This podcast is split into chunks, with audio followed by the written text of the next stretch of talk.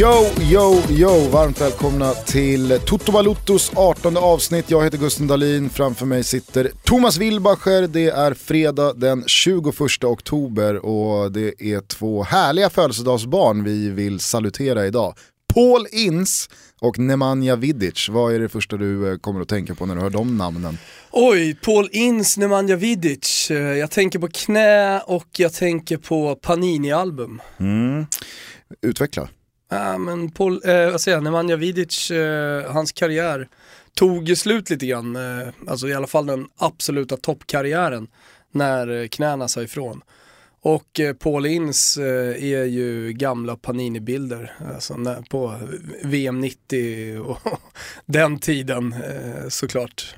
Om vi börjar med Vidic så är du ju inne på att hans karriär eh, tog ganska så abrupt slut eh, i Inter. Och det kändes som ett jävla ovärdigt slut på en annars väldigt fin karriär. Ja men det är ju sådär ibland med skador. Eh, vi satt ju här med Johan Mjällby bara för ett par veckor sedan och pratade om vad, liksom, vad skador kan göra. Och det, det gällde ju även uh, Nemanja Vidic, alltså den kroppen, det, det fanns ju inte kvar. Alltså de, den här uh, extremt uh, starka försvararen men som också var följsam. Och, och, jag ska inte säga att han var snabb, men han var tillräckligt snabb i alla fall för att eh, vara en av världens absolut bästa backar under sin epok så att säga. Han, han avslutade ju Inter men Det såklart... räcker med att några procent försvinner ju. Mm. Såklart är det många som minns honom från hans tid i Manchester United bredvid Ja. Rio Ferdinand i det där mittlåset som av många ansågs vara världens bästa. Det jag minns starkast, eller liksom det som har fastnat på min näthinna från eh, Rio, eller Nemanja Vidic tid i eh, United var ju det här som Sir Alex skrev i sin självbiografi att eh, när Vidic kom och knackade på hans dörr på Carrington på träningsanläggningen och sa bara Boss, jag vill bara meddela att eh, om de ringer och kallar in mig så kommer jag åka. Han var så jävla lojal gentemot eh, militären på hemmaplan att eh, blir det krig och de kallar in mig då finns det liksom inte att jag säger att nej men jag är professionell fotbollsspelare, jag kan tyvärr inte. Utan då kommer jag åka och ställa mig på frontlinjen. Eh, Paul Ince var ju eh, Englands första svarta lagkapten. Mm. Eh, väl värt att nämna tycker jag. Annars är ju Paul Ince en av ytterst få spelare som har spelat och gjort eh, bra och varit en profil i både Manchester United och Liverpool. Ah, nej, men absolut. Jag tror också att det var EM 92 eh, som var Paul Ince. Man minns ju inte alla de här, här Panini-albumen, men, men eh, det var han. Och sen så eh, var han ju under en tid, för mig, som under den tiden verkligen, verkligen fokuserade på italiensk fotboll där och då eh, Så var han ju en av få engelsmän också som kom till Italien. Han spelade ju ett par säsonger i, i Inter. Eh, Och gjorde det bra. Paul Ince eh, är ju också en av de här engelska spelarna som har figurerat i ett blodigt bandage. Det finns ju klassiska bilder på Terry Butcher och några till. Paul Ince där också. Men kan man ju Paul lägga in i eh, hashtaggen Toto Balutto. Paulins är också den här spelartypen som, om man nu minns honom från hans, eh, från hans tid där på 90-talet, eh, är ju en, är en spelare som man verkligen kommer ihåg hur han spelade. Alltså man, han, han såg ut som Paul Ince på plan. Är du med på vad jag menar här eller? Han hade ett tydligt ID Mm, i sitt spel. Han. Det finns ju några med, med tydliga IDn där ute. En sån som eh, jag verkligen tycker nu, om man bara så här spontant nämna några, är ju Paul Pogba. Där ser man ju verkligen tydligt, det är, ju, det är såklart de största spelarna oftast som, som man fastnar vid ju. Som, som har lite, men inte alltid bara, eller hur? Nej. Eh, sen så finns det ju de med tydligt ID men som inte har nått högst upp. Ja, Det finns ju ett par sådana i allsvenskan till exempel. Eh, men eh, vi kanske får lov att eh, återkomma till det. Du, I senaste avsnittet så premiärade du ett Europasvep. ja Det vart ju väldigt uppskattat. Jag tror det. Eh, Det var folk som skrev till oss i alla fall. Eh, och då har vi tänkt att vi, då fortsätter vi med det. Det är kul. Eh, men vi delar upp det så att vi kör eh, varannan gång. Jag har tagit över facklan till den här dagen och ska nu eh, Europasvepa de senaste dagarna för de som har legat och slaggat under en sten. Ja, jag tror att till och med mitt kommer bli lite drygt. Ja, det är inte okej. Nej, okej. Men jag kör då. Så får du eh, helt enkelt spänna fast dig. Veckan drog igång med att Liverpool och Manchester United spelade vad många menade var säsongens sämsta match hittills och de högt ställda förväntningarna grusades rejält. Vi satt experten Bojan Djordjic sa att den förväntade champagnen byttes ut mot avslagen cola och matchen slutade givetvis 0-0. Världens dyraste spelare Paul Pogba var en av de största besvikelserna och fransmannen har fortfarande väldigt mycket att bevisa i sin nygamla miljö. I tisdags drog så den tredje gruppspelsrundan av Champions League igång och Ståle Solbackens FC Köpenhamn med svenskarna Ludvig Augustinsson, Robin Olsen och Erik Johansson i startelvan hade chansen att ta halva steget in i nästa runda borta mot Leicester. Men de engelska mästarna var numret för stora och vann med 1-0 efter mål av fjolårets bästa spelare Riyad Mahrez. Leicester-tränaren Claudio Ranieri må ha sladdat en aning i ligan så här långt men i Champions League har allt stämt för Leicester. Segern var deras tredje raka och man är ett av blott tre lag som står på nio poäng efter halva gruppspelet. Övriga resultat som stack ut under tisdagen var Juventus bortaseger mot Lyon då italienarna fick spela stora delar av den andra halvleken med tio man men lyckades ändå vinna med 1-0. Målvaktsveteranen Gigi Buffon räddade precis allting, inklusive en straff från Lacazette och när slutsignalen ljöd svämmade sociala medier över av hyllningar till den gamla damens burväktare. Italienska tidningar slog fast att Buffon är bäst genom tiderna. En annan målvakt som utmärkte sig var Tottenhams Hugo Lloris som spikade igen borta mot Bayer Leverkusen med flertalet högklassiga räddningar. Tyskarna står efter tre spelade omgångar fortfarande utan seger och tiden börjar bli knapp för storsatsande Leverkusen om de vill nå avancemang. Real Madrid slaktade planenligt Legia Warszawa med 5-1 men förvånande nog gick Cristiano Ronaldo återigen mållös från planen och på presskonferensen efteråt medgav tränaren Zidane att man absolut ska ha högre krav på Ronaldo än så. Parallellt med Champions League spelades det en full omgång Championship, alltså den engelska andra divisionen och Newcastle gick för första gången upp i ensam serieledning efter stabila 2-0 borta mot Barnsley. Ligans skyttekung Dwight Gale stod för båda målen.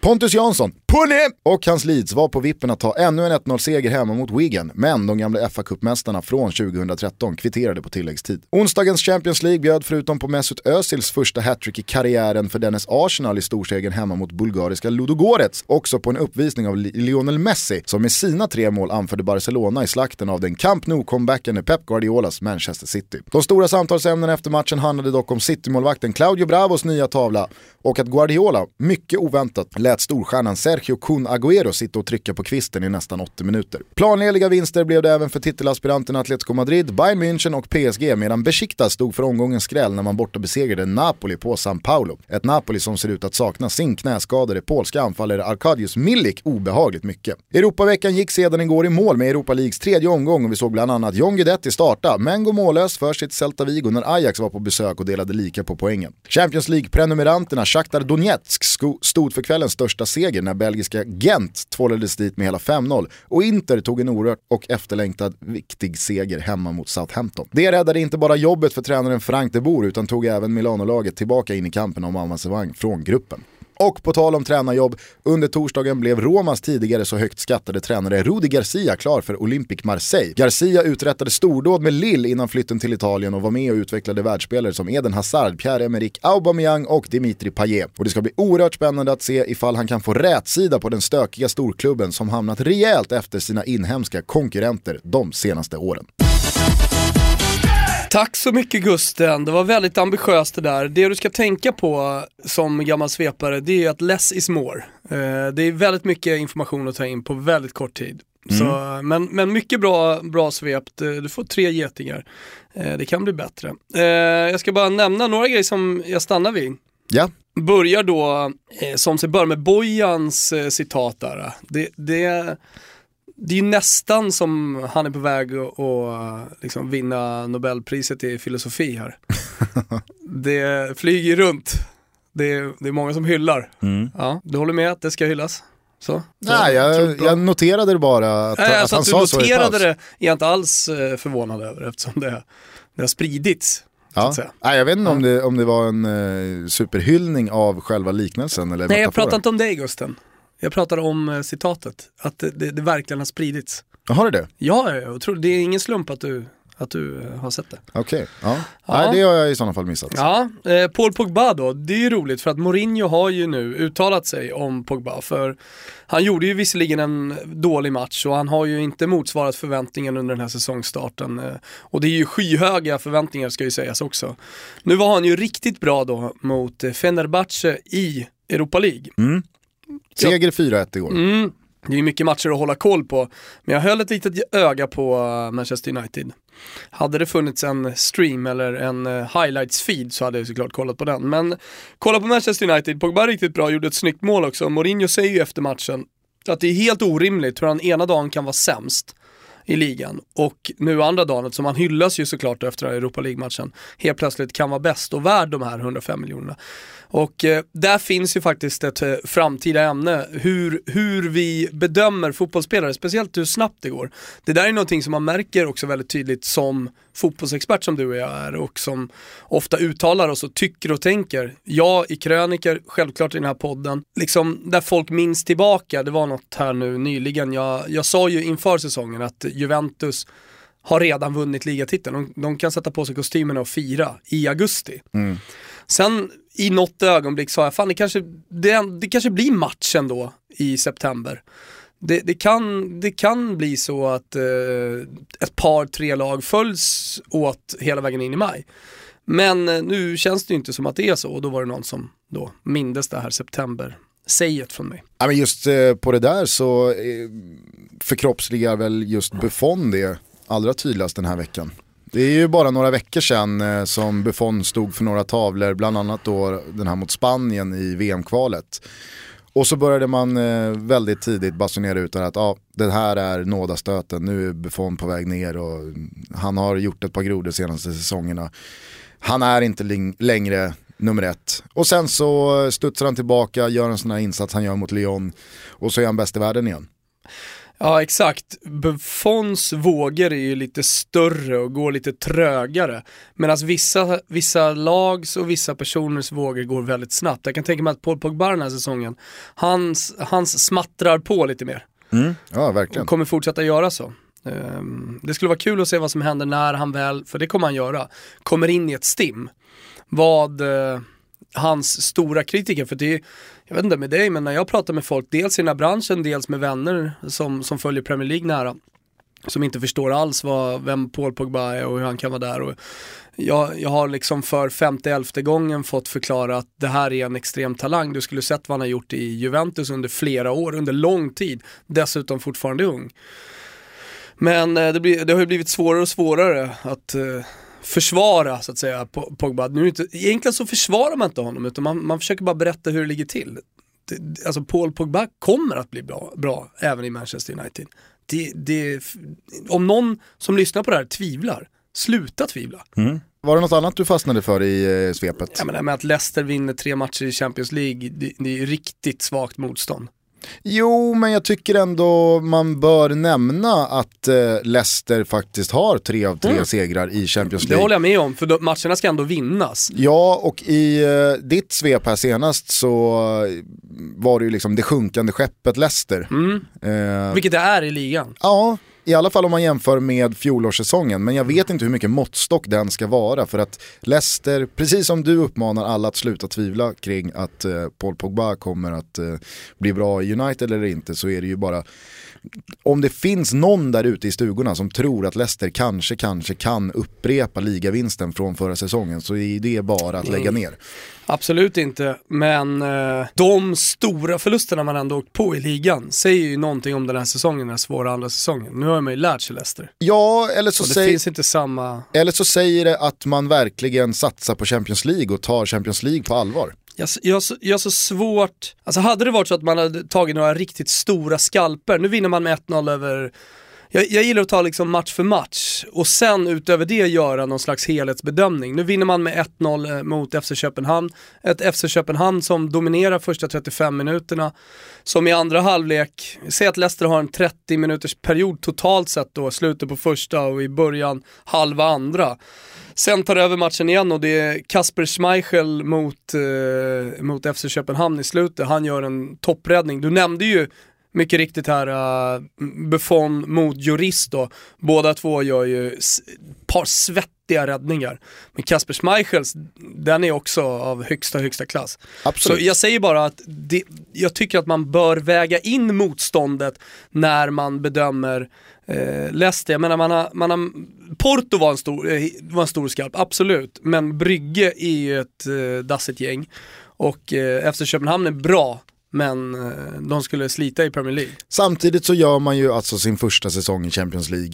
Och det är ganska många som inte har spelat på den nivån förut. Jag tycker att man gör det jättebra. Jag, Ja, jag tycker men- att man ska säga det.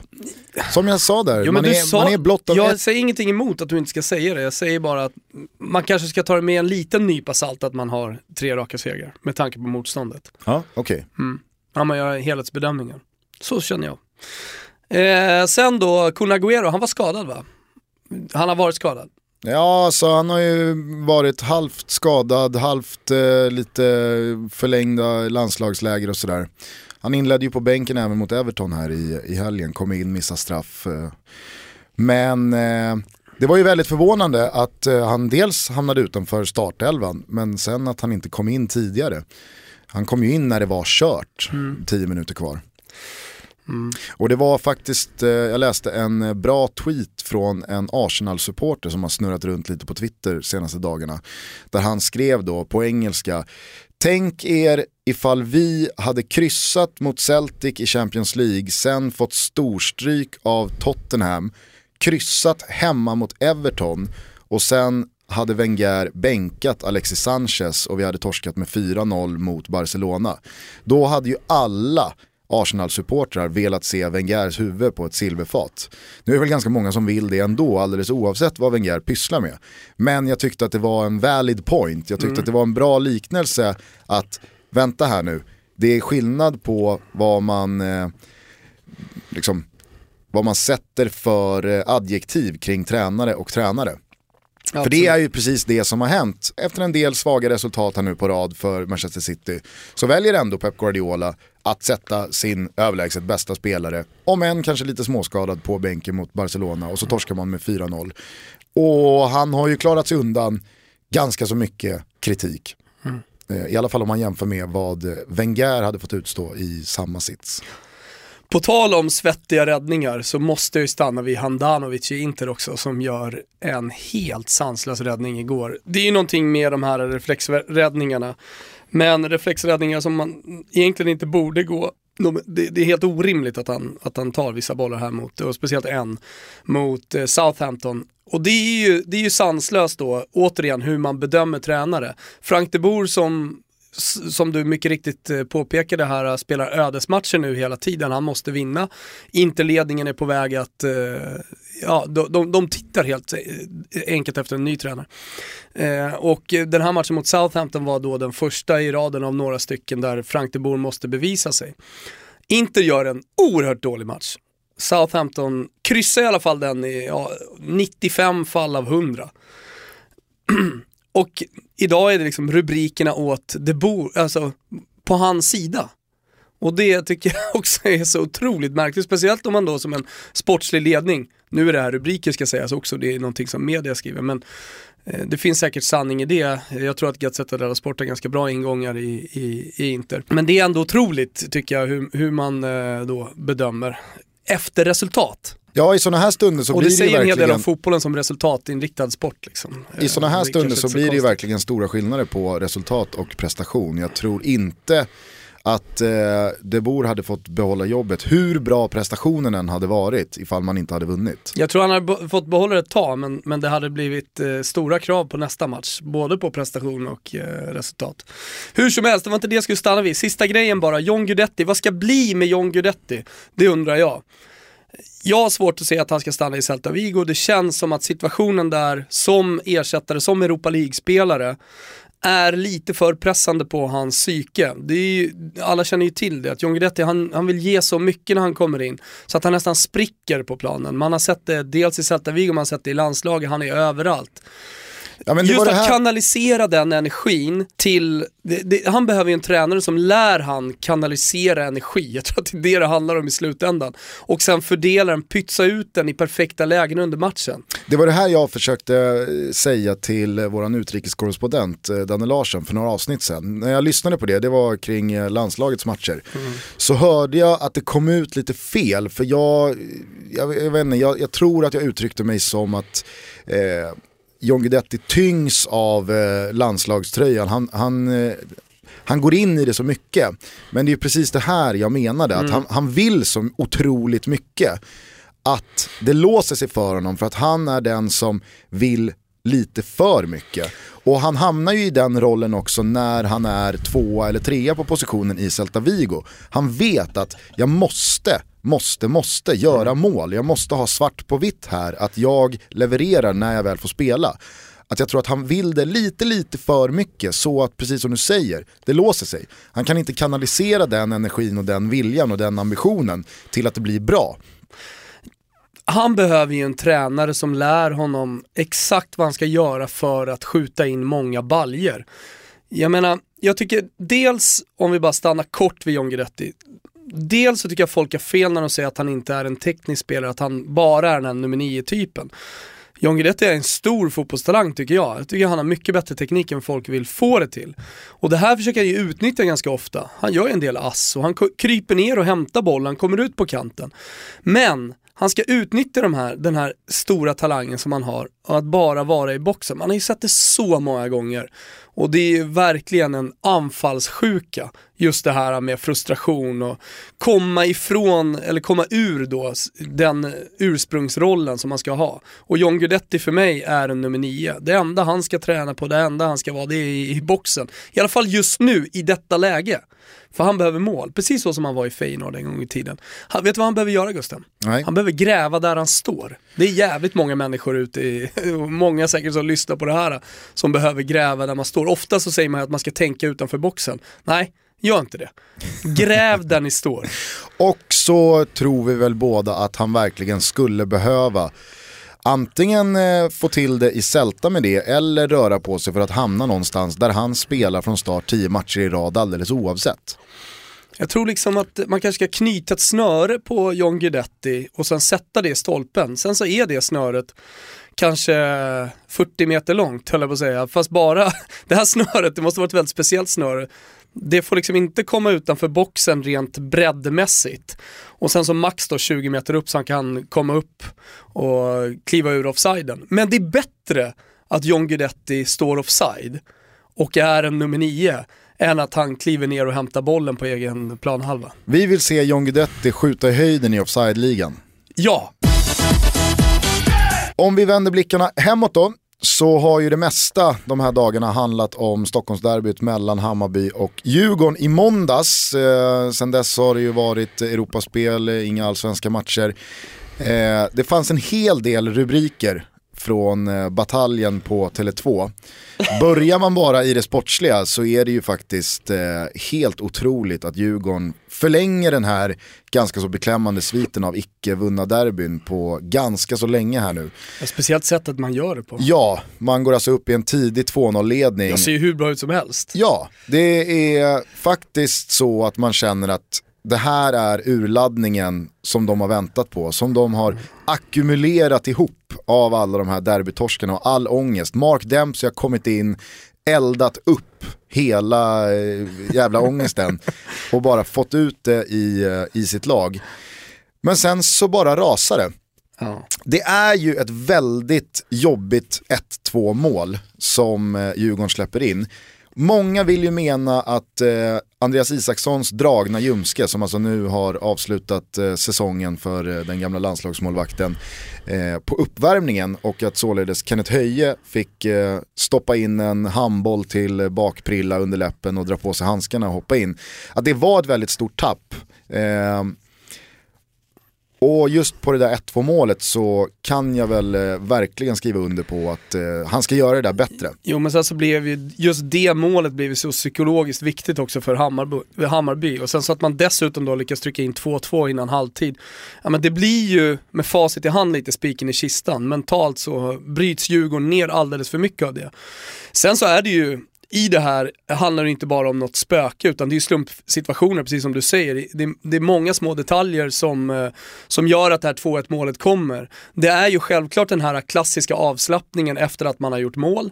Eh, man, man hamnar, för det är en frenetisk press, kanske lite trötthet ska jag säga också. Sen om den är både mental och eh, fysisk efter den totala urladdningen första halvtimmen. Det, det låter jag vara osagt. Men jag tror att när Djurgårdsspelarna tänker tillbaka på den här matchen om fem år, så, så kommer man ändå minnas kanske lite den här tröttheten som man kände precis efter det 2-0 målet. Som sagt, att man slappnar av, att man kanske backar hem lite, tänker att nu ska vi bara säkra in det här, eh, nu, nu ska vi bara säkra resultatet. Då hamnar man några steg längre bak eh, i pressen eh, och sen så dessutom då en, en halv målvaktstavla så är det 2-1.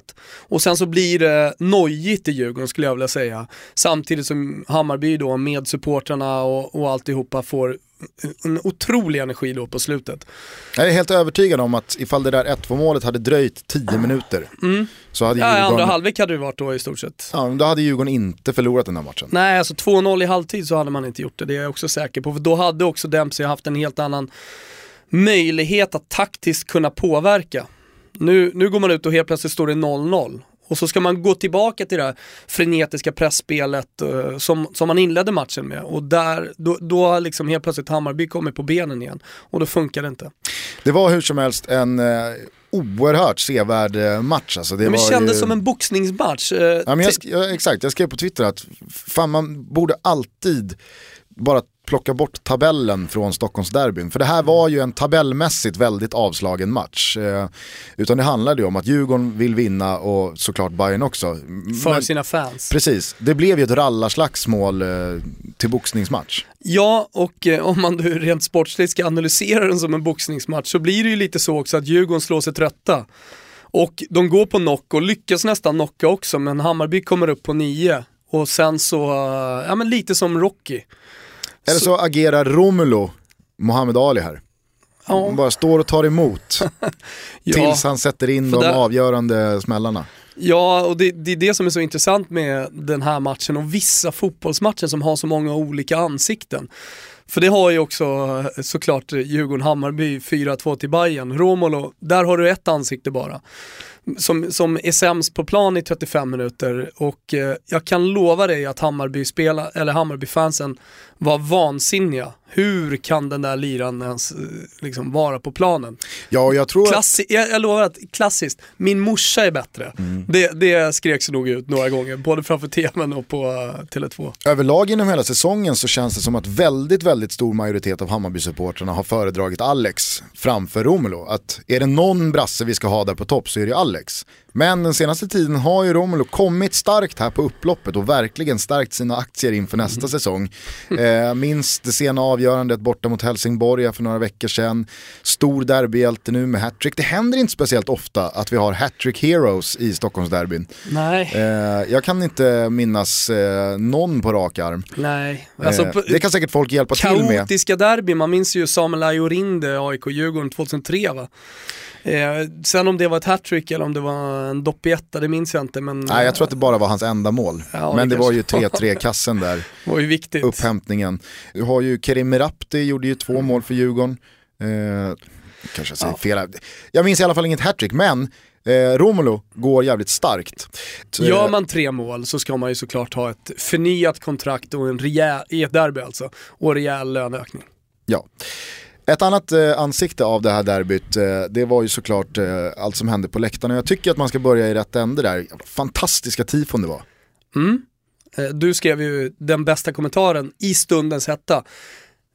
Vilket otroligt, eh, vad var du skrev? Baj... Superbajigt tifo. Bajigt tifo, för det var det ju verkligen. Det kändes som en ruta ur Buster faktiskt. Mm. Och Hammarby för mig är väldigt mycket Buster. Det var alltså en eh, stor bild på en eh, Buster-liknande seriefigur, eh, typ Supermac och Bullen-aktig, ja. Eh, som sköt ett skott mot ett mål, satte den i krysset och så var det bara en stor eh, banner ja, längst ner. Det fanns ett djup i det och ja, det, var, jätte, det var en jättehärlig tanke. Och så var bannern där nedanför, alltså Bajen-sägningen, våga skjuta, tufft att göra mål. Mm. Väldigt bajigt, väldigt liksom eh, lättsamt och faktiskt eh, i, i sin flört med det förflutna väldigt modernt. Mm. På andra sidan så stod ju då Sofia Läktaren. Som alltid gillar man ju när eh, det är eh, en borta sektion som är omringad av eh, motståndarsupportrar som blir då lite tajtare, som låter lite högre och som blir liksom lite mera samspelta. Eh, körde ju en eh, bengalbränning bakom då ett skynke med genomskinliga bokstäver. Jag tror alla sett de här tifona, absolut. Eh, fantastiska och det, det är såklart återigen då det är ju här allsvenskan visar sin finaste sida tycker jag och, det, och det, det, det, är det enda vi har att mäta oss med internationellt sett, eh, det vill säga våra, våra kurvor. Och eh, ja, vi, vi, ska återkomma till det här med tifona för det finns en röd tråd där eh, med, med supporterna som jag skulle vilja komma till. Ja men precis som eh, vi lyfter det här som kanske den absolut finaste sidan av det så blir det ju väldigt påtagligt i slutet av matchen att det också finns andra andra eh, betydligt mer trista faktorer i samma sammanhang när då ett eh, 15-tal, 20-tal eh, Djurgårdssupportrar väljer att eh, det är alltid svårt att veta vad syftet är, om det är att eh, avbryta matchen eller om det bara är att vädra sitt missnöje eller vad det nu är. Men det blev ju jävligt tråkiga scener, matchen avbröts i en halvtimme ungefär, kunde spelas klart, vilket är alltid skönt att en match kan spelas klart. Men det blev ju jävligt trista scener och ett eh, rörigt efterspel. Hur såg du på situationen? Eh, jag såg situationen som så, eh, när, när det väl hände, jag satt ju i Expressens sändning, men när det väl hände så tyckte jag var, för mig är uppenbart att de ville bryta matchen. Med tanke på det facitet de har i derby, derbyn, jag och Björn Jonsson som rattar 08 på fan-tv Eh, pratade lite om det och eh, men när man kommer in i den här matchen så var det ju lite som säsongens sista match. Man spelar den också som en final och det tyckte jag märktes nu när vi pratade om det sportsliga här innan också. Att man gick på knock och, och alltihopa, att det var så mycket energi. Eh, så det var lite av Djurgårdens sista match för säsongen och man spelade verkligen för supporten. Jag tycker på efterspelet när man hör eh, spelarna att eh, man, man nästan skäms lite, att man är extremt besviken, inte bara för sin egen del, framförallt för att man har då representerat Djurgården och eh, supportrarna och, och, verkligen ville ge dem den här segern. Så att det, det tycker jag är väldigt påtagligt, att liksom, det, det är såklart, det ligger ju som grund oavsett vilket, eh, vilket syfte de som sprang in hade. Så att eh, nästan, nästan lite väntat sådär. Att den frustrationen när 4-2 målet kommer väller över. Ja, och jag tror att hur mycket liksom avstånd man än tar gentemot aktionerna så tror jag faktiskt att det finns en sån uppdämd frustration i många djurgårdare kring just det här, att det rinner över för några. Sen så försvarar inte det beteendet och det är bara jävligt eh, pissigt att det ska gå så långt. Men det man ser och det jag i alla fall känner det är ju att det här är inte något konstlat, eh, fejkat, påhittat för att liksom skapa kalabalik och man bara vill förstöra utan det här är en oerhört stor frustration mm. i många djurgårdare. Sen så är det absolut så att man får veta lite vart gränsen går för det, det, ser ju inte, det, det, det, blir, det kommer ingenting gott ur det. Jag tycker att vi kan diskutera det, däremot så känner jag varken behov eller att det här är rätt plattform eh, för att på något sätt hålla på att ta avstånd eller någonting sånt här. Jag tycker däremot att diskussionen är intressant vart eh, liksom den svenska supporterkultur, var, var vi står någonstans som svensk supporterkultur och eh, var vi är på väg någonstans. Alltså jag personligen tycker att man ska få häckla, stöka, supa. Jag menar vi lever i en fri värld och eh, jag, jag, jag själv älskat det livet, det supporterlivet. Och eh, jag, jag, kan tycka att det ska vara alldeles för, för, förbannat skitnödigt kring den svenska supporterkulturen också, att det är väldigt många utifrån. Det, den här låt oss säga då frustrationen har, har jag väl uttryckt i den här podcasten tidigare. Eh, för i slutändan så är det liksom den här stämningen som alla hyllar, atmosfären, den kommer också med en viss baksida. Och eh, jag, jag, förstår att folk har svårt att köpa den och det här var att gå över gränsen, det håller jag också he helt med om. Eh, men, men, jag tycker ändå att den är alldeles för fin, supporterkulturen, för, för att vi liksom ska döda den för en sån här händelse. Sen ska jag också säga en sak eftersom jag, jag själv varit eh, liksom, eh, delaktig och, och i, den, i, den, italienska supporterkulturen och för de som inte känner till det så har jag rest Italien land och rike runt med Fiorentina-supporterna och även i Europa under flera år. under 10-talet på eh, under 10-talet som sagt så, så, så, levde jag alltså, verkligen ultraslivet. Och eh, jag har ju sett hur utvecklingen har, har tagit sig liksom i Italien. Från tidigt 2000-tal när det var väldigt stökigt, eh, var, egentligen alla matcher. Och där kan, man, där kan man ju då tycka att det var för stökigt och sådär. Och, och det, det, var det nog. Men det som hände i Italien var ju att man nådde en gräns. När det faktiskt inte var med, det, det gick inte att fortsätta så. Eh, när polis, poliser dog. Och eh, när pitchningarna blev för många. När bengalkastningen blev för mycket. Jag menar det finns en anledning till att det är vall, när italienska arenor byggdes en gång i tiden så byggde man med vallgravar. Och med eh, höga plexiglas eller staket eh, och högst upp eh, taggtråd. Vi kommer ju närmare, jag säger det kanske är 20 år bort, det är ingen aning och det kanske måste eskalera ytterligare. Men debatten, om man också kollar på debatten i efterhand, så landar vi ju där att myndigheterna kommer att börja ta krafttag för varje sånt här övertramp som som, eh, som blir. Mm. Och jag menar, då kommer vi från en bengaldebatt eh, där vi vet om att det finns ett starkt motstånd till exempel. Eh, inte minst då från myndigheterna. Så jag, jag, det, enda, det enda jag kan känna det är väl att eh, jag tror nog att ultrasgrupperingarna i Sverige bör tänka till lite för att vi närmar oss in, ja, men vi, det kommer inte bli så att vi har vallgravar på, på arenan, men vi närmar oss ganska drastiska åtgärder från, från eh, myndigheter och förbund och så vidare. Jag tror att vi också närmar oss åtgärder som till en början kommer göra att det eskalerar också. Jag tror att man kommer möta det här och agera mot det här med eh, åtgärder som bara kommer föda ännu mera stök och våld och eh, tråkigheter. Eh, framförallt sådana incidenter som gör att det här spiller över på stora delar av resten av läktaren. Som gör att det inte är lika charmigt, lika trevligt, lika eh, gemytligt att gå på fotboll längre. Som jag tror kommer innebära att det, det, det kommer slå hårt när, precis som du säger, myndigheterna börjar sätta hårt mot hårt. För att det har man ju inte gjort i speciellt hög utsträckning senaste tiden. Mm. Ja, exakt, och det, det, är någonting man, man kanske också som supportergruppering bör, bör, eh, fundera lite över.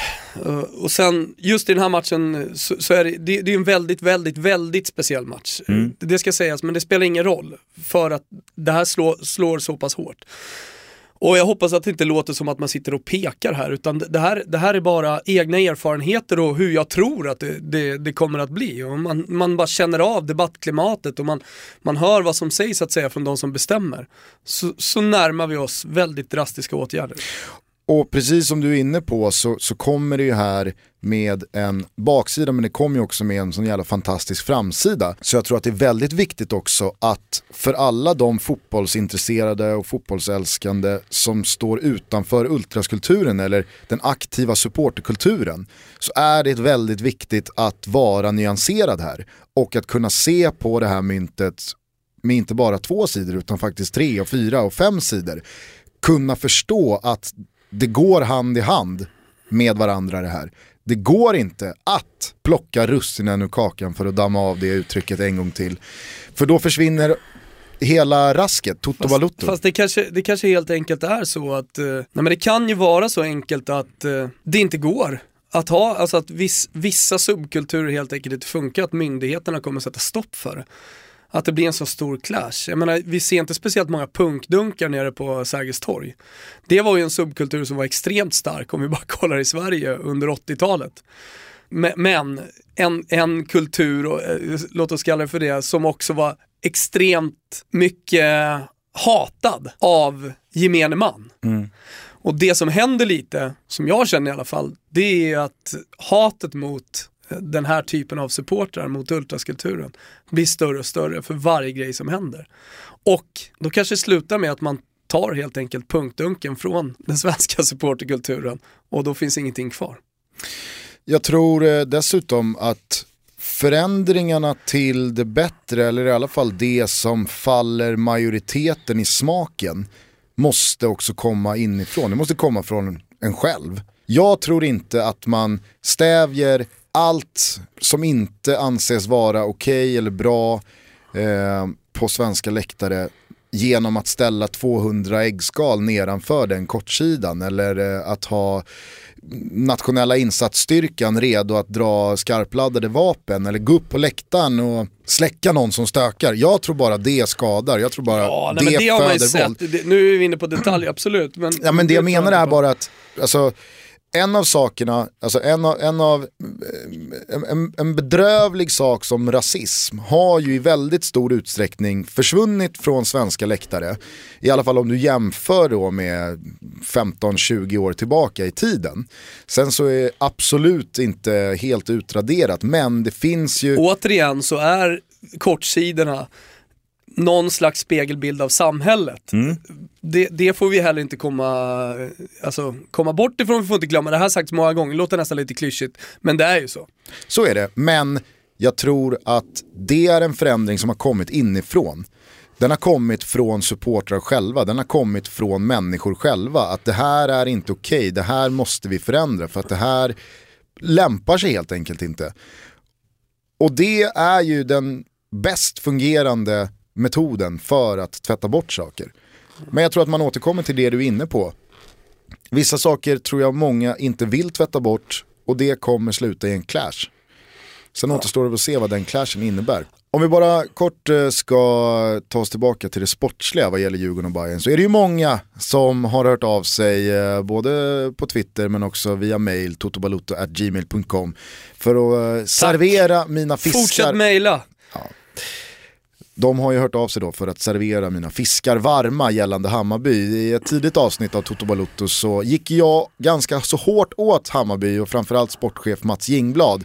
Samtidigt starkt på Djurgården, liksom, att de har gjort det väldigt bra. Ja, precis. Eh, Många minns säkert hur det var i slutet på juli, början av augusti. Bosse Andersson och Djurgården agerade starkt. Man eh, sparkade Pelle Olsson, tog in Mark Dempsey, värvade tunga spelare, förändrade sitt lag, fick en skjuts för att man var verkligen eh, illa ute tabellmässigt och sjönk djupare och djupare ner mot eh, strecken. Man fick ju verkligen en, eh, en effekt och eh, man har gjort det bra, man har tagit sina segrar, man har slagit eh, både Malmö FF och IFK Göteborg och Norrköping och gjort det riktigt bra, förutom eh, i derbymatcherna och kanske någon match till. Men för Djurgården så visade det sig verkligen vara rätt agerat och jag tror att Djurgården verkligen har något spännande att bygga på i det här. Men i samma segment så då dissade vi ju Hammarby ganska hårt om Mats Jingblads eh, icke-agerande. Nu har ju Bayern gått minst lika starkt som eh, Djurgården, om inte starkare. Och eh, tagit sina poäng, det har eh, radats upp segrar, man har varit väldigt stabila på bortaplan. Eh, och man är ju eh, både före Djurgården i tabellen och ännu längre bort från det här nedflyttningsstrecket. Så där fick man ju fel. Och det är väl bara att... Jag, liksom, inte man. Ja, där fick ju jag fel. Eh, men det är ju så det blir. Jag trodde inte att eh, Bayern skulle resa sig och förändra sig så pass mycket utan att agera eh, i speciellt hög utsträckning på transfersidan. Men eh, kudos till eh, Bayern och Mats Ingblad och som många då har påmint mig om att inte agera är också att agera. Eh, Vet du vem som också fick väldigt fel? Nej, Det var ju Daniel Disco Kristoffersson, vår vän och kollega, som eh, enligt då Robban älskar hur Robert som har mejlat till oss, en lyssnare, hur han skriver under sina mejl. ja, med adress och allting. Nej, det, det, är- det är ju väldigt eh, avskalat men tydligt. Det, det är namnet, adressen Hornsgatan, någonting och sen bara Södermalm. Då vet vi vilket lag han håller på. Men det är ju experter, krönikörer som, eh, som, och vi som sitter här och poddar, vi ska såklart också få våra fiskar varma när vi har fel. Jag tycker att det är helt rätt. Påminna oss om gamla grodor och här påminner han eh, oss då om eh, dels dig då Gusten, men för all del även Disco. Han avslutar ett långt resonemang med att som sagt, dags att agera Hammarby, men Nanne kvar vid rodret ser den grönvita skutan att, ut att styra allt närmare superettan. Mm.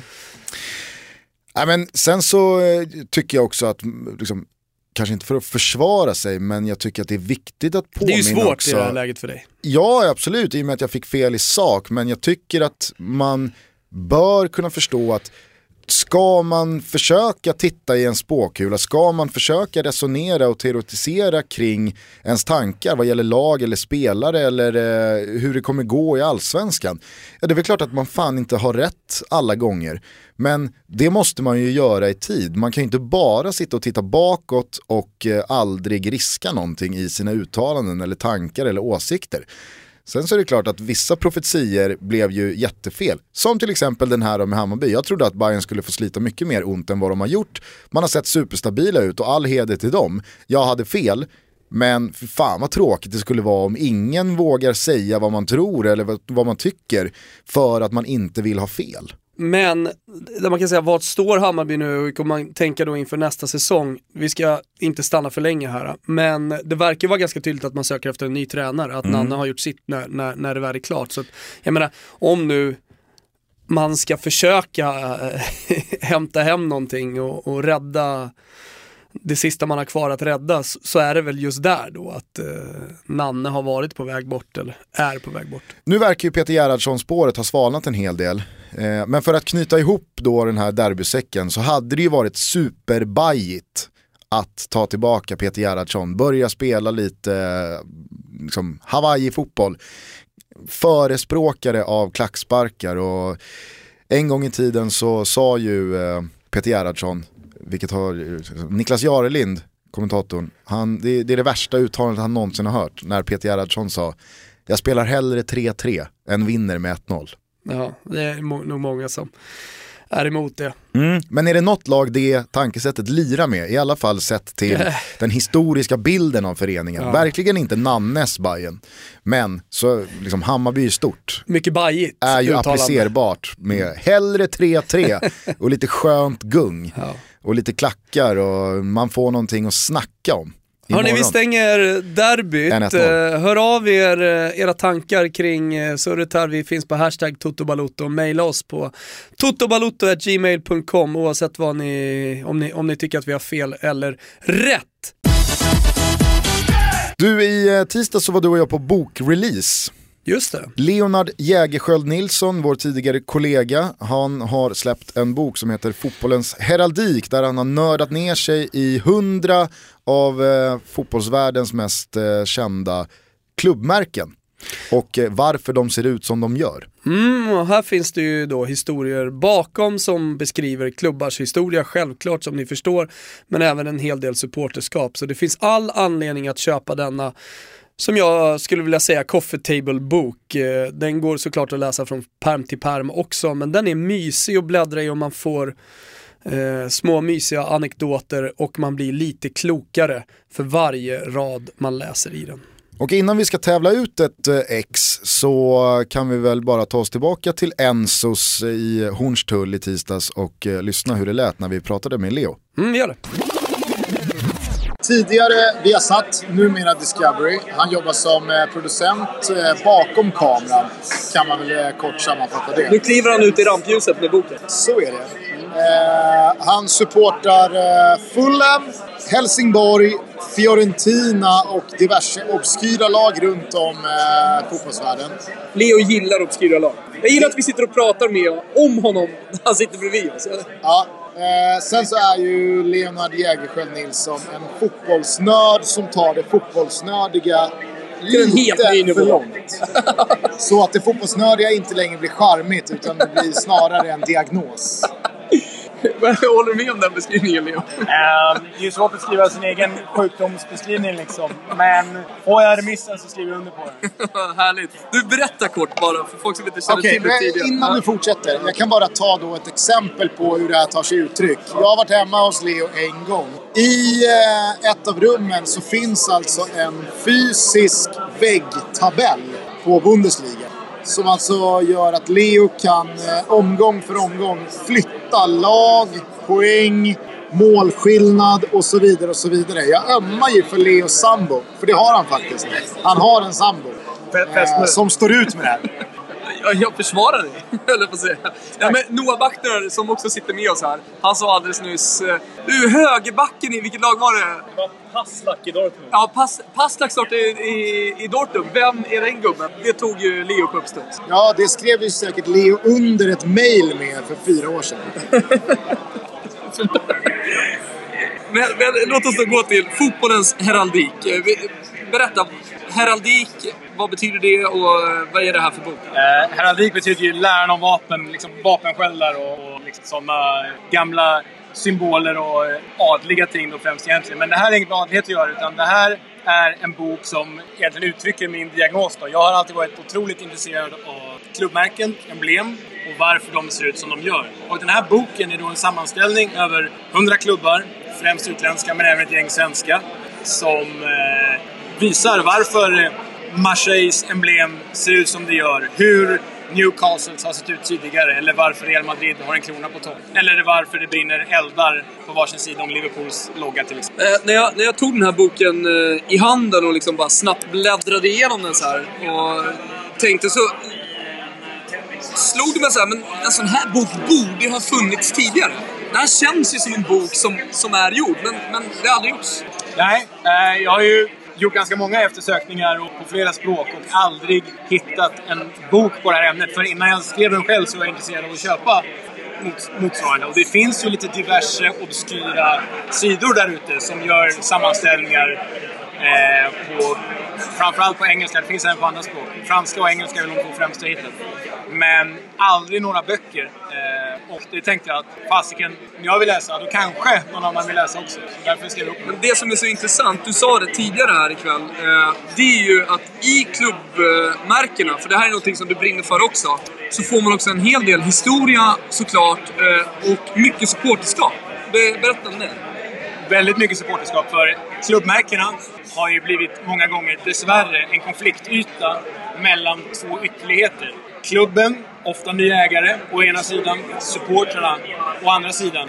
Och här finns det många exempel genom åren. Kan du dra något eh, sådär som du har top of your mind? Ett självklart är ju Hull City AFC, där som några av er kanske vet om att eh, det har varit en konflikt mellan supportrarna och ägaren, ägarfamiljen Allam då, Assem Allam, där familjen Allam ville byta namn på klubben från Hull City AFC för att det är för vanligt, det går inte att sälja, till Hull Tigers.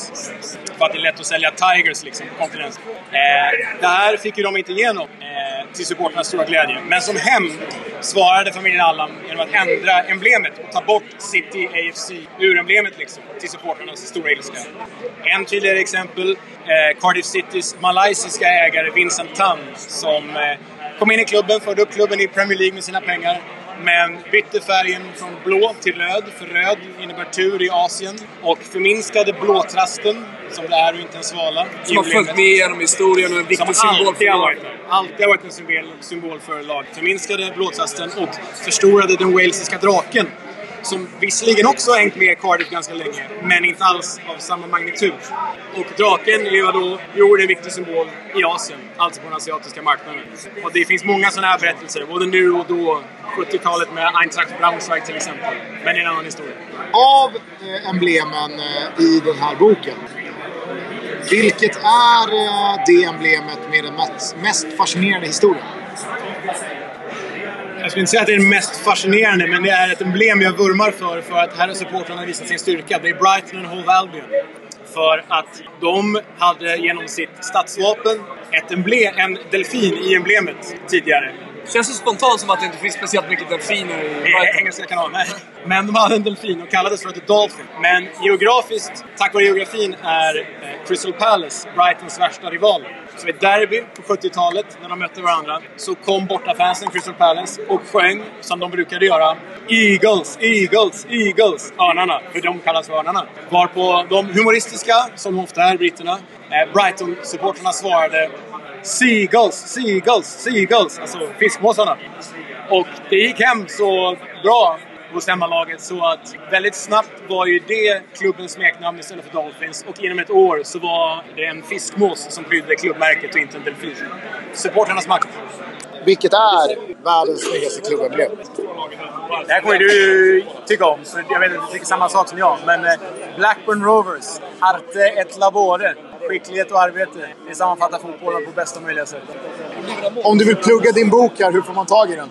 Den eh, finns att köpa på eh, Akademibokhandeln. Den finns att köpa på hemsidor som Bokus och CDON. Och eh, det går även att ta kontakt med Pincho förlag direkt om man vill ha tag i boken. Du, vad händer härnäst? Eh, vi får se om det blir något mer bok. Jag ska ha ett möte med förlaget igen. Det vore ju kul att sladda ner något nytt. Men fram till dess så är det ju jobbet på Discovery med svenska landslaget och Bundesliga och Europa League. Tack! Vi ska alltså tävla ut ett ex av eh, fotbollens heraldik och du och jag har försökt eh, tänka utanför boxen trots att vi borde gräva där vi står. Fast jag tycker ändå att det är att gräva där vi står. Ja, kanske. Man kan ju gräva där man står och samtidigt tänka utanför boxen men det är, det är hög nivå då alltså. Det här är i alla fall en förlängning av eh, fotbollens heraldik och klubbmärken för att tävlingen som vi nu utlyser handlar om att vi är på jakt efter ett smeknamn på vårt landslag i fotboll. Eh, det blir ju smärtsamt tydligt när man börjar eh, ögna igenom världsfotbollens eh, länders smeknamn att Sverige står ju sig oerhört tunt i konkurrensen. De mest klassiska, eh, de finns ju eh, på den afrikanska kontinenten. Då tänker vi till exempel på Kameruns eh, De otämjbara lejonen. Vi har ju även Bafana Bafana, Sydafrikas landslag. Eller varför inte Ghanas Black Stars. Det finns ju en rad olika exempel, fyll på. Ja, det finns jättemånga och det finns sköna exempel. Man märker också att det finns tydliga kategorier här. Vanligt generellt sett i världen är ju att helt enkelt döpa landslaget efter färgen på tröjorna. Där tänker man ju på eh, Rojas, eh, Chile till exempel, Yatsuri, Le Bleu franska landslaget Oranje. och så vidare. Oranje, precis. Eh, Det, det, det, det, är en kategori. Sen så finns ju också djurkategorin och där är ju många av de afrikanska, eller där går många av de afrika, afrikanska lagen i bräschen. Där finns eh, till exempel elefanterna, klassiskt, eh, alltså Elfenbenskusten. Elfenbenskustens eh, landslag. Eh, men inte bara, där har vi också Nigeria, Super Eagles. Där väljer man också ett eh, styrk, styrkeadjektiv inför eller innan. Eh, men det finns också ja, men några favoriter här. Vi har ju Algeriet, ökenkrigarna till exempel. eh, Och deras eh, grannland Libyen. Eh, som helt enkelt kort och gott kallar sig för Medelhavskrigarna, eller riddarna, Medelhavsriddarna. Ja, det finns ju absolut eh, krigsföring i det smeknamnet. Eh, du, har ju, du har ju fusionen, om vi rör oss till Australien, alltså eh, blandningen mellan kangaroos och soccer. Alltså eh, att landslaget kallas för Socceroos. Exakt. Några länder... Damlandslaget där, vet du vad de heter? Nej, De heter The Matildas. vad har du för bakgrund på det? Nej men det återknyter ju då till eh, den inofficiella australiensiska eh, nationalsången Matilda, Wal- Waltzing Matilda. Och där finns ju en hel historia bakom den låten. Alla som såg OS i Australien eh, och invigningen kanske minns Jakob Hård bland annat och lägga ut texten. Och det tog en timme va? det ska vi inte göra här nu, men om då Waltzing Matilda. Några europeiska länder har ju eh, gett sig på smeknamn utöver bara färgassociationerna. Du har ju då till exempel Albanien, Skiponia, betyder örnarna. Eh, anspelar ju på hur deras flagga ser ut.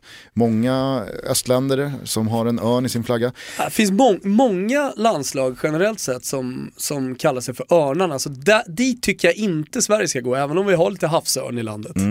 Eh, kanske mest klassiskt om vi eh, rör Tunisien, oss i Europa. örnarna från Carthage. Ah, det är svagt.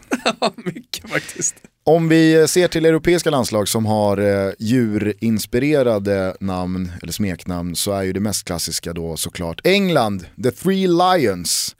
Där ser ju förbundets eh, emblem ut med tre stycken lejon i. Så att, eh, De har hakat på lite det afrikanska spåret då, att, eh, att, att, att, att syssla med djur. ett afrikanskt landslag som har brytit sig ur djurmönstret, verkligen, det är ju Zambia som kör på kopparkulorna. Vad har vi för bakgrund för kopparkulor? Alltså jag kom så långt i min research att koppar är ju väldigt eh, utbrett i Zambia. Det finns, det, Chipolopolo. Chipolo för att använda det lokala. Precis, Chipolo Polo. Eh, koppar är i alla fall eh, landets eh, viktigaste eh, råvara. Eh, men kulorna, det är liksom inte riktigt någon som vet varför de har slängt Okej. på kulorna. Alltså, det andra Det Polo. Då har du sökt dåligt här. Men Eh, vi kommer få hjälp tror jag. Eh, Maila oss. det kan ju ha någonting med att de ska sikta skarpt när de eh, skjuter efter framgång. Hur som helst, vi vill i alla fall att ni som är intresserade av att vinna ett exemplar av fotbollens heraldik mejlar oss ett förslag på vad det svenska landslaget i fotboll bör kallas, bör ta för smeknamn. Eh, motivera det och skicka in det så ska du och jag göra en eh, bedömning av förhoppningsvis många mejl som kommer in. Nu vill inte jag sitta här och sätta begränsningar och griller i huvudena på folk, men, men det finns ju några dåliga exempel här som man skulle, sk- då, som jag gärna skulle vilja undvika. Det är ju till exempel Indien som har tagit eh, fasta på det här med att man ska vara eh, ett djur och i Indien finns det mycket tigrar, men de är ju blåa då, det indiska fotbollslandslaget, så då blir man the blue tigers. Och det, det, det finns ju inga blåa tigrar. Alltså det, det blir ju fel bara kan jag tycka. Och sen så då om man kollar på andra sporter i landet där ett namn har varit eh, framgångsrik eller det har, och det, har, det har blivit starkt. Där kan vi hitta Nya Zeeland. Eh, och det här är ju verkligen eh, ett bra exempel på hur vi inte ska göra. Där, eh, där rugbylandslaget som är så otroligt framgångsrikt och när, när, när man hör då All Blacks så blir man nästan lite rädd och man tänker på kraft och styrka och allt möjligt för att det laget har laddat All Blacks med alla de här olika värderingarna. All Whites är ju ett sanslöst dassigt gäng och eh, nu har, det har man då laddat med en massa uselt så att säga. Så att när man hör All White så blir du inte direkt rädd eller? Nej, verkligen inte. Du känner inte, shit nu möter vi all whites här. Då är det bättre, det hade varit bättre om de hade kallat sig för kiwis eller någonting.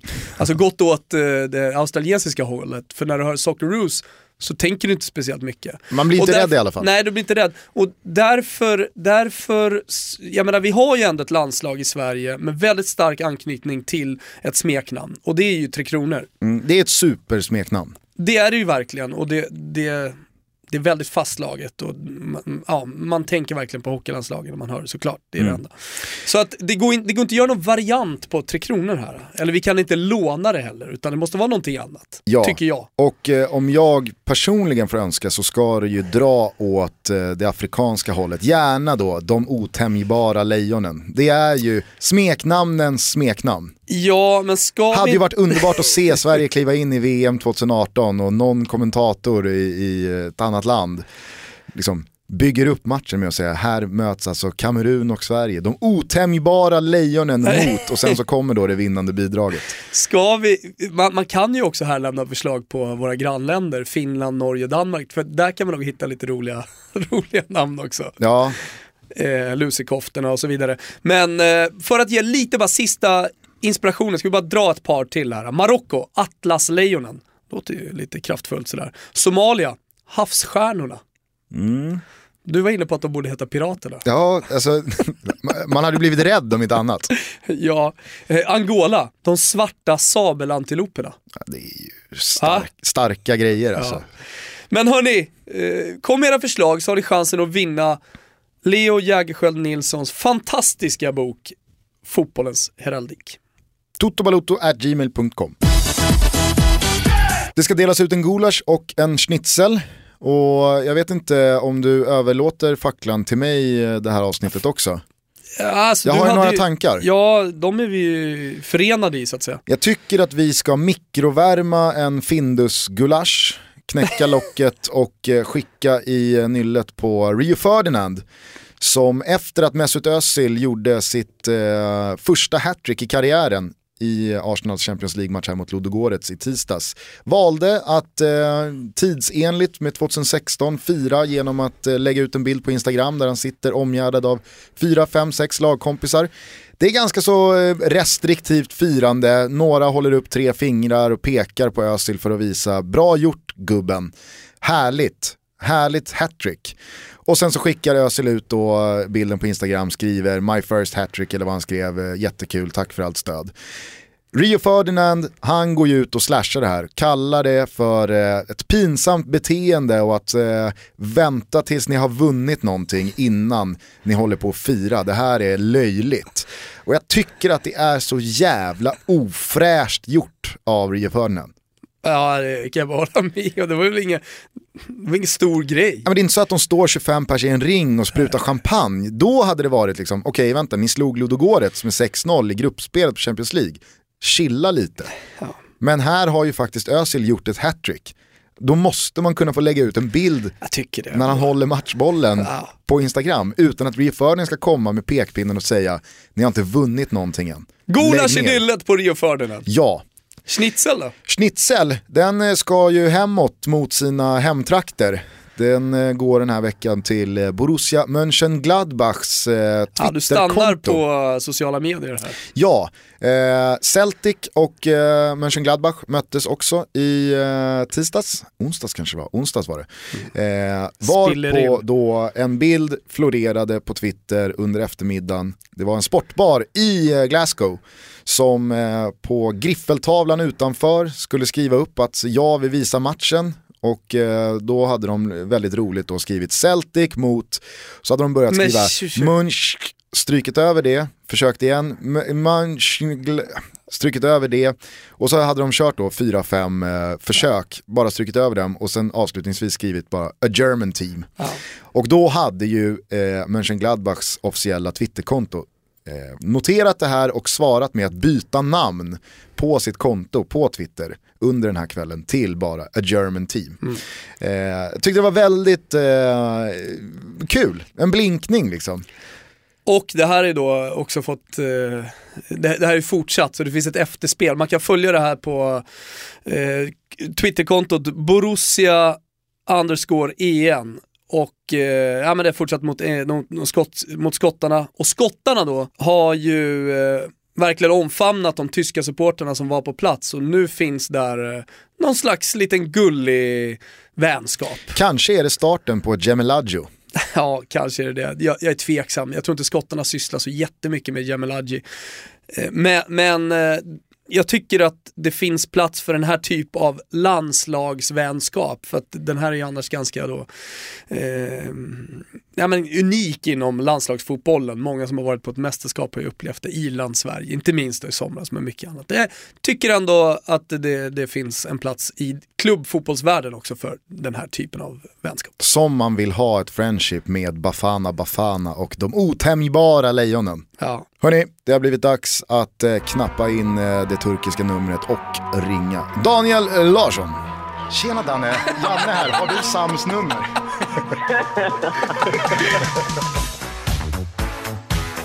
Daniel Larsson dunkar in 2-0.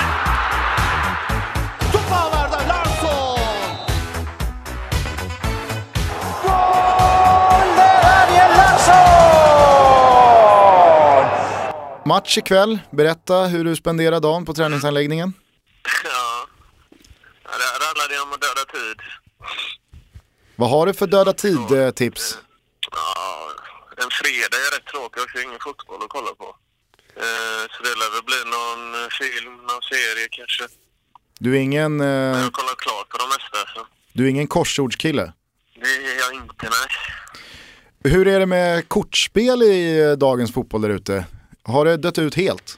Eh, ja, nej, eller nej det har det väl inte men det är ingenting som eh, spenderar några jättestunder på här i alla fall. Men på läger kan det bli någonting men inte, inte så här dags. Om vi återgår till eh, Gaziantepspor och er form så tog ni ju ett starkt kryss i senaste matchen. Börjar vi i rätt ände dock så hittade vi det i startelvan igen. Skönt. Mm, ja, var skönt.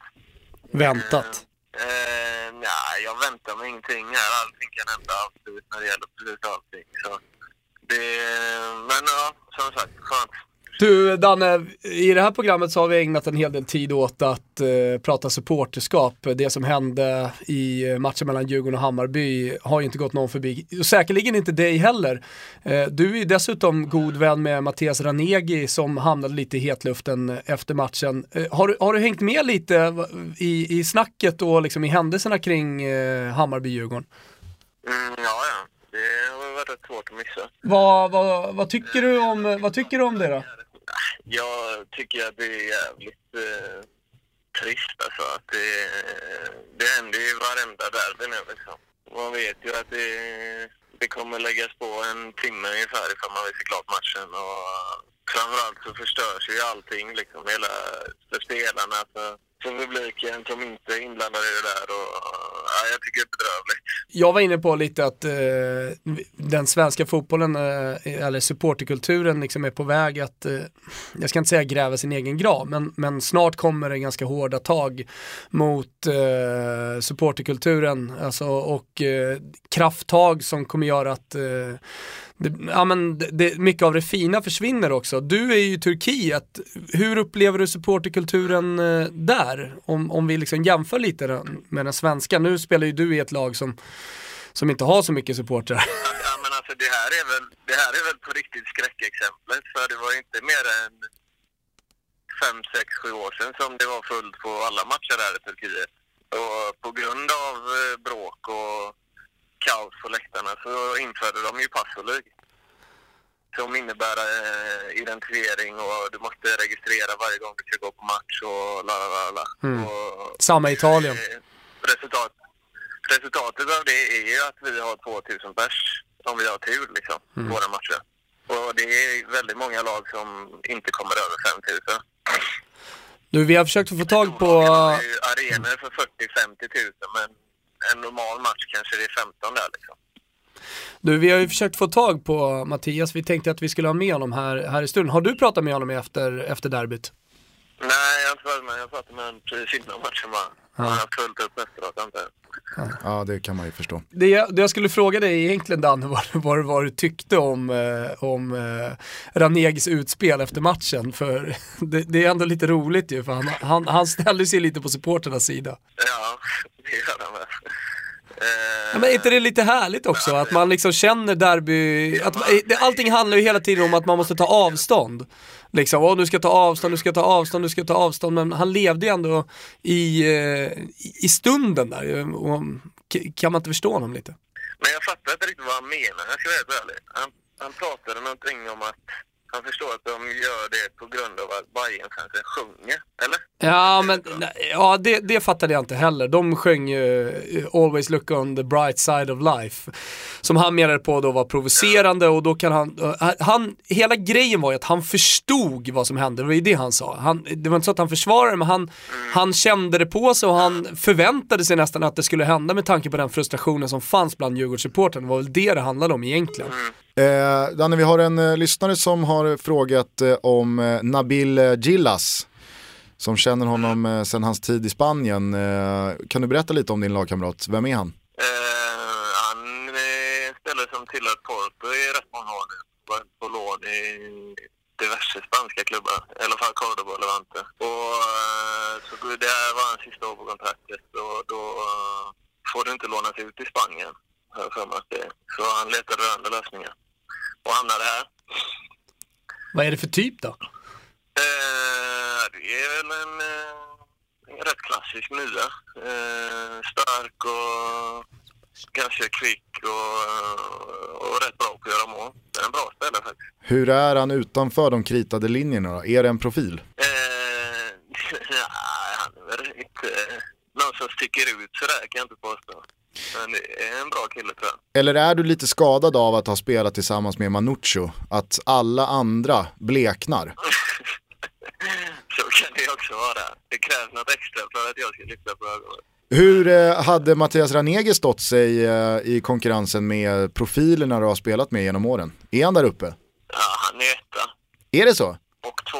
Han är, slår man också med hästlängder faktiskt. Pallar du bjuda på eh, den beryktade anekdoten från SM-guldfesten 2010. Erik Friberg och Ranegi dök upp och skulle fira SM-guldet med Danne och två tjejer ville ha efterfest med Ranegi. Jag vill ju minnas att eh, det bollades upp eh, gentemot de här tjejerna att Ragge, alltså. att Ragge satt inne på en riktig boaorm.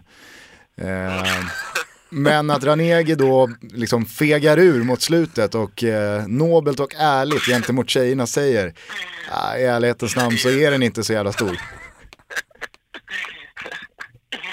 Ja, jo. Det, det ligger väl rätt mycket sanning i det. Ja. Nu känns det som att vi har stekt Ranegi som gäst eh, hela vägen i alla fall. I sägningen Herregud. ligger det san- san- sanning. Ja, den var ju som sagt, eh, det, det kan ju vara en skröna allt, alltihop här. Eh, hörru, eh, lycka till ikväll. Ja, lycka till Danne. Ja, tack så mycket. Och så hoppas vi att det där första eh, målet kommer. Förlösande. Ja, det hoppas jag. Verkligen. Eh, fortsätt eh, döda tid och eh, kör hårt så hörs vi nästa vecka. Ja, tack. Tjo. Ciao! Ciao. Hörru du, vi gör så att vi drar ner jalusierna och stänger butiken för det här 18 avsnittet. Går på en välbehövlig helg och sen så kör vi ett par nya avsnitt nästa vecka. Ja, redan på måndag så ska vi vara tillbaka och det kommer ju såklart ha hänt en massa saker. Och eh, ja, vi kan väl lämna en liten cliffhanger att på måndag ska vi prata om eh, det usla som är filmer som handlar om fotboll. Vi finns sedan en tid tillbaka på Radio Play om ni vill ladda ner deras app. Där finns det en jävla massa bra poddar och eh, härlig radiomusik att lyssna på. Följ oss på Instagram och Twitter. Fortsätt mejla till oss och Ja, glöm inte att prenumerera på vår app i iTunes och ni som lyssnar där. Och tack till alla som har lämnat sköna kommentarer och betyg på iTunes. Det betyder jättemycket, vi läser alltihopa och det här tåget det bara rullar på, det stormar fram nu Gustav. Ja, och den där prenumerationen på iTunes du pratar om, den ska man hoppa på för att då dyker avsnitten upp så fort våran superproducent Kim Wirsén har publicerat. Eh, det är många som brukar twittra och eh, efterlysa avsnitten att de inte hittar det. Prenumerera med fördel så löser ni det där i ett kick. Hörrni, det har varit ett avsnitt eh, präglat av eh, supporterkulturen, i alla fall till eh, stora delar. Och därför så tycker vi att vi ska gå ut på en låt som någonstans besjunger detta. Ja, verkligen. Många kurvor, många kortsidor har ju tagit den här låten till sig och gjort sin version på den. Vi pratade såklart om Lena Lalle som sjunger la la la la la la Na na na na na. Na na na na na na na. La la la la la la. Ale ale Ale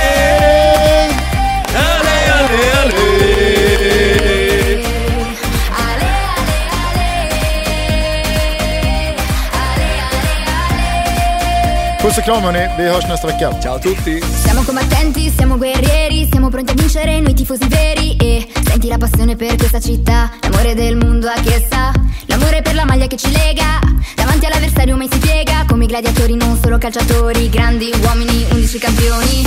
Mostrate al mondo da dove venite, mostrate al mondo che cosa sentite,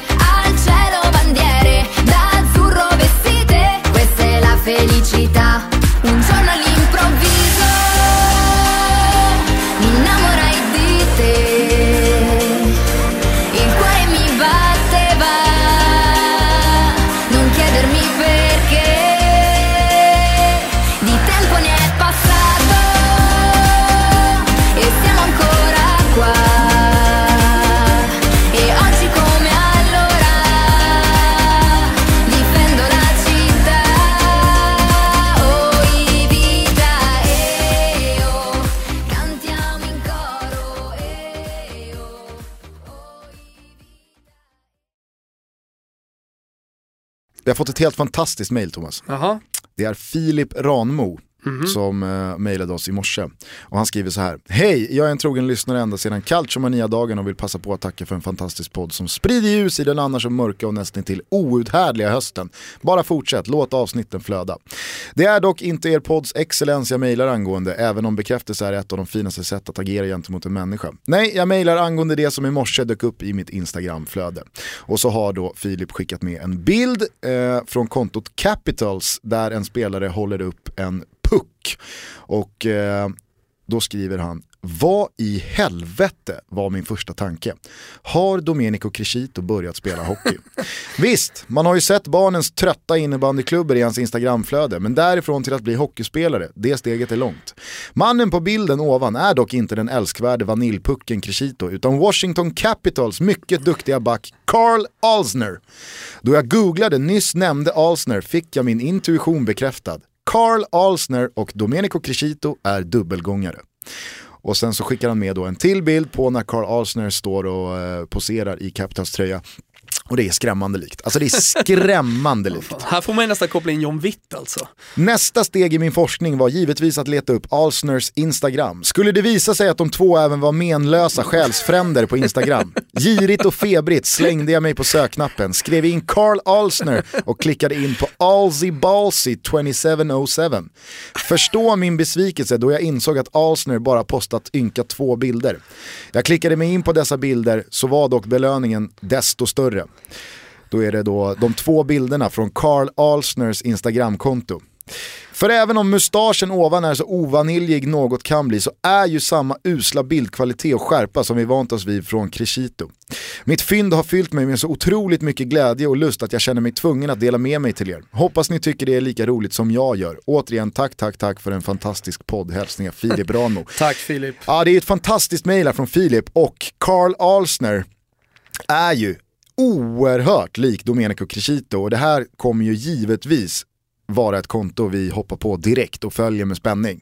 Kanske ska vi på något sätt sammanfläta Carl Alsner med eh, Mimmo. Kanske. Eh, fokuserar vi dock på våran älskade vaniljpuck så satte han ju nya rekord på Instagram stories. Såg du det? Ja, jag såg Insta-storyn senast där. Post-it-lappar, det var ballonger, det var rosenblad och så någon jävla paj mitt i allt som Vicky Blomé skrev till oss. Ja, men alltså det här sovrummet som eh, jag kan tänka mig Pammi har eh, pyntat här med massa hjärtballonger och rosenblad. Alltså det ser ut som en, eh, det ser ut som en mordplats i en riktigt dålig film. Ja, men vad De har, är liksom, de det har tagit i för mycket. Ja, och vi- du vet, nu kanske Och som alla sagt, att, i- att, i, att i slutet på den här Instastory-filmen är en blåbärspaj som står på nattduksbordet. Ja, men det, här, det här är ju vad man i Italien kallar för crostata, alltså det är en klassisk italiensk efterrätt, så det här har ju fått någon, någon rysk bagare att, eh, att fixa, någon rysk konditor, för de här finns säkert inte i Ryssland, eller Nej, han har nog fan gjort den själv alltså nu när jag ser på den, så den smakar säkert skit också. Mimmo Alltså Mimmo är ju, en sån här snubbe som skulle kunna ta salt istället för socker. ja, kanske, eller vanilj. Men vad är det för duk också som han har lagt här? Tanken bakom detta? Ja, det är ju en uh, outtömlig källa av guld, Instastories, men frukostbilden från för två dagar sedan Ja, den, på huvudkontot. Alltså är det den svalaste frukostbilden någon någonsin har instagrammat? Överlag så är ju frukostbilder liksom svåra att få att flyga. Men, men det här är ju ett trött ägg, en grå juice, De där några melonbitar och...